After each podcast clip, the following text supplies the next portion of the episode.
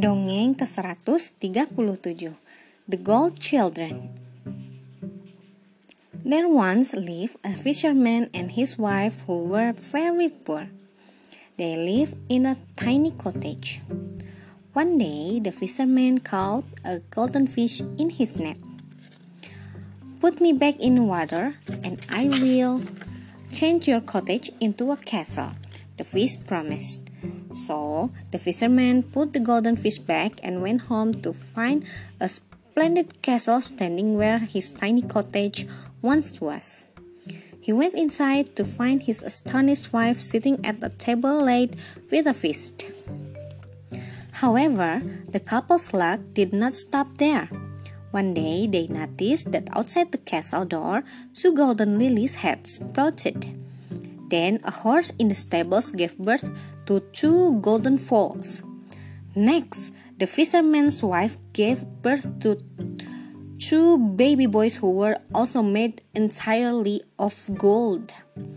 The children grew into a tall, strong, handsome young man, and they were the best of friends. The time came when they said to the fisherman, Father, we want to take our golden horses and ride away to explore the world. Watch the two golden lilies outside the door. If they are blooming, you will know that we are safe and well. If they start to fade, you will know that we are in danger or sick. And if the lilies die, you will know that we are dead too. With that, they said goodbye and rode off down the path.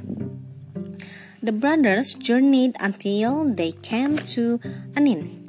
The people all laughed and jeered when they saw the man made of gold. One of the brothers was so upset by the mocking that he turned around and went straight back home. However, the other decided to keep going. He covered himself and his horse with animal skins, so the gold could not longer be seen. Then he set out once more.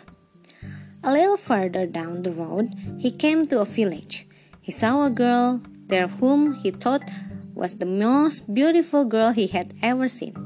He leapt off his horse, walked straight up to her, and asked her to marry him. To his delight, even though he was still covered by his animal skins, she fell in love with him too and said yes. The wedding was held that very same day with much rejoicing. That night, the young man dreamed he was hunting a splendid stag.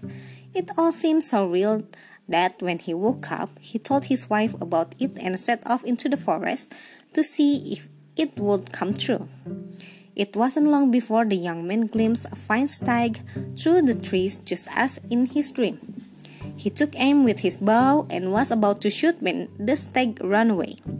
The young man ran after it, over the edge and ditches, for a whole day without feeling tired. But by evening, he had lost the trail he looked all around him, wondering which was the way out of the forest. After walking for some time, he noticed a little house among the trees.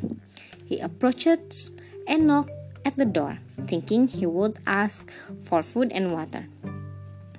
But when it opened, there stood a witch. What are you doing walking through the middle of the great forest so late at night? The ugly old woman croaked. I have been hunting a stag, the young man explained. What? You've been trying to kill my stag? The witch screeched. She pointed her finger and muttered some evil words, and the young man fell into the ground and was transformed into a large rock. Then the witch laughed to herself and went back into her cottage and slammed the door. All through the night, the young man's bride waited for him worrying that something terrible had happened, and in the morning he still had not returned. Meanwhile, back at the fisherman's castle, the young man's brother noticed one of the golden lilies beginning to drop. Good heavens, he cried, my brother must be in danger. He sprang into his golden horse and galloped down the road like the wind, away from his home, past the inn, and into the great forest. There, he found the little cottage and saw the huge stone lying outside. At once, he knew it must be his poor brother. The witch heard him gasp and come hobbling out of her house. I've never seen a golden man before, she called. Come here, my dear, let me look at you. Of course, she wished to trap him, but the young man did not go near her. Instead, he raised his bow and took aim and said, I will shoot you if you do not bring my brother to life again. Then the witch snarled, but he, she had no choice. She touched the stone with her forefinger, and the young man immediately changed back into his human shape. He threw off his animal skin and leaped up behind his brother on his golden horse, which sprang away through the forest like the wind. How the witch howled to see the two golden men escaping her clutches! So the young man went back to his wife, who was overjoyed to have him back and astonished to see him in his true golden form.